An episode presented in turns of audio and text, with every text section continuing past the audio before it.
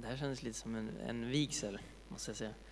Eh, också, mina föräldrar är här idag och min mamma gav ungefär samma blick som när vi stod vid altaret. Så det är dubbelt så kul så. Eh, inte bara jag och allt eh, det fina vigseltalet som Anton höll. Eh, den här eh, eh, texten som vi läste förut är eh, lång men ganska intressant tycker jag. Jag pratade lite om den också för ungdomarna i fredags. Men eh, det gör inget för de som är här. De kommer ändå få någonting mer idag. Eh, Jesus, han är inbjuden på en sabbat för att äta hos en viktig farisé. Han tackar ja till inbjudan trots att han allt oftare konfronteras av de här fariseerna som försöker sätta dit honom.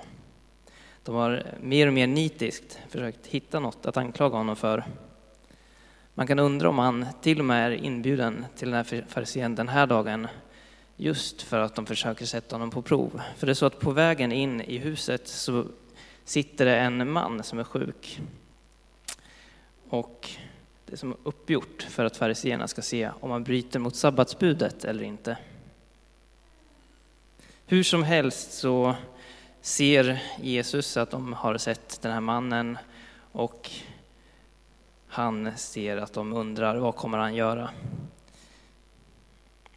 Då frågar han, är det tillåtet att bota sjuka på sabbaten eller inte? De teg. Så Jesus botade mannen och sa till fariseerna, om någon av er har en son eller en oxe som faller ner i en brunn, ta, drar han då inte genast upp dem, även om det är sabbat? Det kunde de inte svara på. Tystnaden kvarstår. Fariséerna verkar tänka så det knakar. Vad skulle de svara? Hur kan de sätta dit honom för det här? Och när gästerna börjar sätta sig hos den här farisén så är det fortfarande tillräckligt tyst för att när Jesus ser att fariséerna tar, eller, eller gästerna tar de främsta platserna, de närmast världen, närmast den här farisén, då är det tillräckligt tyst för att Jesus ska kunna ge dem denna liknelse. När du är bjuden på bröllop, slå dig då inte ner överst vid bordet. Kanske någon av de andra gästerna är mer ansedd än du och värden kommer och säger ge honom din plats. Då får du skämmas när du måste flytta längst ner. Nej, när du är bjuden, gå då genast och ta den nedersta platsen så att värden säger till dig när den kommer, käre vän, flytta dig längre upp. Då blir du hedrad inför dina medgäster. Den som upphöjer sig ska bli förödmjukad och den som ödmjukar sig ska bli upphöjd. Till världen gav Jesus en uppmaningen att bjuda de människor som inte kan bjuda tillbaka så att belöningen ska fås vid uppståndelsen istället för jorden. Och då är det någon av gästerna som, ja men uppståndelsen, himmelriket. Och så börjar de tänka på himmelriket. Och så säger han, salig den som får vara med om måltiden i Guds rike. Och återigen så svarar Jesus med en liknelse. Och det var så här att på, på Jesu tid i Mellanöster, när någon hade en fin inbjudan och man var lite rikare och mäktig, då skickade man ut en inbjudan tidigare i förväg, någon månad före, som det skulle vara en stor fest. Och så skickar man sin tjänare dit. Och den berättar om när festen ska hållas och var. Och säger till den att, ja men, ska du komma eller inte? Tackar jag. Och jag gissar på att de flesta tackade ja då. För att, jag vet inte, men jag tror inte deras schema var lika fullspäckade som idag. Så de tackade förmodligen ja allihopa. Tjänaren åker tillbaka till, till världen och världen får veta vilka som har tackat ja. Sen när festen närmar sig så skickas världen, eller skickar världen ut tjänare eller budbärare till de här som är inbjudna. Och så berättar, berättar han, välkommen, nu är det redo, nu ska du komma. Och det här var helt vanligt på Jesu tid. Det här var fint folk gjorde så och fint folk förväntades också om de var inbjudan. Men nu kommer du, nu har tjänaren kommit och sagt att nu börjar det, så då följer du med direkt. Det är inget väntande utan man bara kommer direkt. Men när tjänaren skickas i den här berättelsen så händer något märkligt. Han kommer dit och säger välkomna, allt är färdigt. Och så börjar de komma med dåliga ursäkter en efter en. Den första har köpt en åker och hävdar att han är tvungen att gå och se på den. Men när man har köpt en åker har du inte redan sett på den innan. Går du inte dit först och kollar, är den här intressant? Och sen kollar du på jorden, kommer den ge rik skörd eller inte? Sen köper du den. Den andra mannen, han har köpt fem par oxar. Och han säger, jag kan inte komma, förlåt, men jag måste faktiskt se vad de går för, så jag kan inte. Men återigen, vem köper oxar utan att veta vad de går för? Och problemet kvarstår också, om du nu ändå har köpt oxarna, vad gör det för skillnad om du kollar på om de går för idag eller imorgon? Köpt är köpt. Detsamma gällde då som gäller nu. Den tredje mannen, han har gift sig. Och vad det är för, för anledning, det vet vi inte riktigt. Eh, han tackar ju nej till, till tjänarna som kommer, så han är på plats. Så han är hemma, han är inte på någon bröllopsresa. Men han har gift sig. Varför han inte kan komma, det förstår vi inte. Men det verkar inte riktigt helt logiskt i alla fall. Eh, Dessutom har han, liksom de två andra gästerna, vetat långt i förväg om den här festen. Men han tackar nej ändå. Så det är inte konstigt att värden till festen blir arg. Han har bjudit in fint folk, de han ville bjuda in, och så kommer de gång på gång med dåliga ursäkter. Han har köpt in mat till många. Vad ska han göra med maten? Hur ska han göra nu? Då kommer han på, ja men jag kan ju bjuda in vem som helst. Folk runt omkring i staden som bara finns där. Så tjänaren går ut dit och han har så målat det bankettdukade rummet. Det ska bli fullt nu. Mycket har hänt under 2000 år, tänker jag. Men mycket är sig också likt. Precis som gästerna i den här första berättelsen sökte status och de främsta platserna, så söker vi också idag efter uppmärksamhet och beröm. Oftast gör vi det dock på andra sätt än att sätta oss närmast världen. Vi gör annat.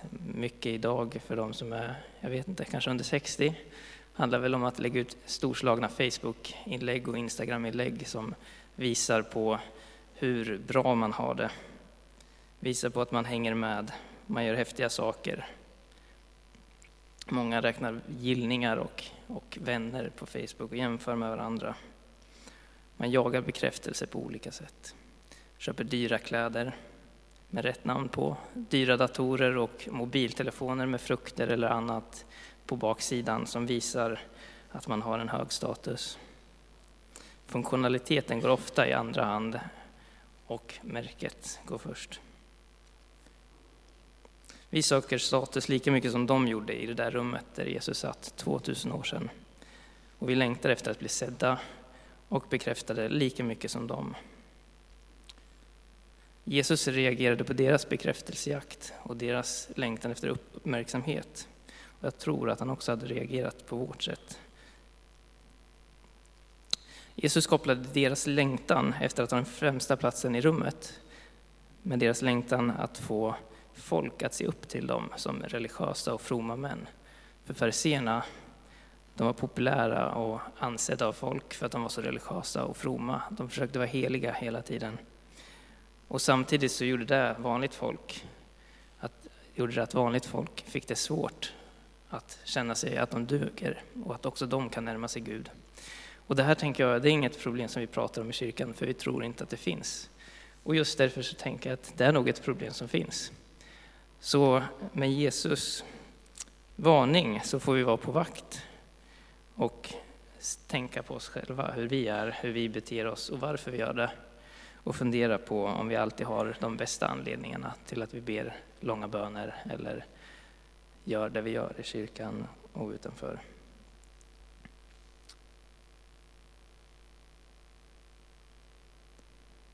En annan sak som jag inte tror har förändrats på 2000 år, det är väl att vi gör själva det vi helst själva vill också.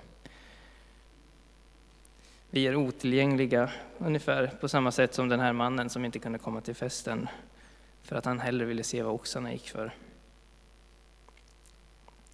Världen som bjöd in till festen är Gud och festen är himmelriket och relationen med Gud. Och liksom alla relationer behöver relationen med Gud vårdas.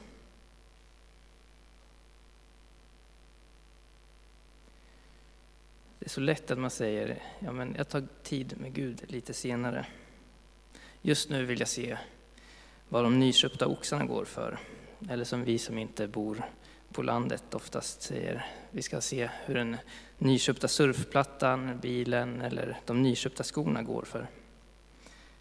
Ärligt talat, så om ni har ungefär lika dåliga ursäkter som mig så kan det vara ganska dåliga ursäkter. Att läsa Bibeln kanske bortprioriteras av trötthet och då är det lättare och skönare att se på TV. Eller så kanske ni tänker som jag ibland, ja, men jag går ut först och sen kan jag göra något sånt. Och sen när man väl kommer in igen så finns det något nytt att göra. Och det är lite som Alfons Åberg, jag ska bara. Det finns mycket vi vill göra.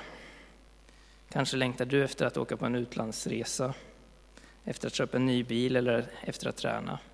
Kanske för att bli snygg, kanske för att det är hälsosamt eller för att du faktiskt tycker det är kul. Oavsett varför vi längtar efter olika saker så är det något gott, tänker jag. Och jag tänker att det kommer från Gud. Han skapade oss kreativa och spralliga. Och vi har en vilja och vi har en längtan och den är gått. Däremot så måste vi fundera på vad vi prioriterar i livet och varför vi har just de prioriteringar som vi har. Vad är viktigast i ditt liv? Kanske kan du vänta en stund med att ta ut oxen och se vad den går för, eller bilen. Och läsa Bibeln först, eller be. Så vet du att det blir av idag. Annars kanske du glömmer bort det. Kanske kan du också vänta med att ta titeln på den där nyköpta åken eller huset just på en söndag. Så hinner du till kyrkan istället. Kanske kan du hålla sabbatsbudet för att spendera tid med Gud och vänner och familj istället för att åka på en resa, gå och shoppa eller träna just den dagen. Och istället för att köpa den där senaste saken som du egentligen inte behöver kanske det är bättre att ge lite extra till kyrkan eller till någon behövande. Och till dig som har en oxe eller en son som fastnar i en brunn så säger jag, självklart kan du ta upp den. Sabbaten är till för människan och inte människan för sabbaten. I en församling har alla något att bidra med, både ekonomiskt och med sin tid. Paulus jämför ju församlingen med en kropp och att vi alla är en kroppsdel som behövs för att kroppen ska fungera. Men när vi väljer bort kyrkan, Gud och våra medmänniskor är allt inte riktigt som det ska vara. Prioriteringarna har hamnat åtminstone lite snett. Och jag tänker just att prioriteringarna kommer sättas utifrån vår längtan. Och med sneda prioriteringar har vi ofta låtit en längtan ta över från något annat.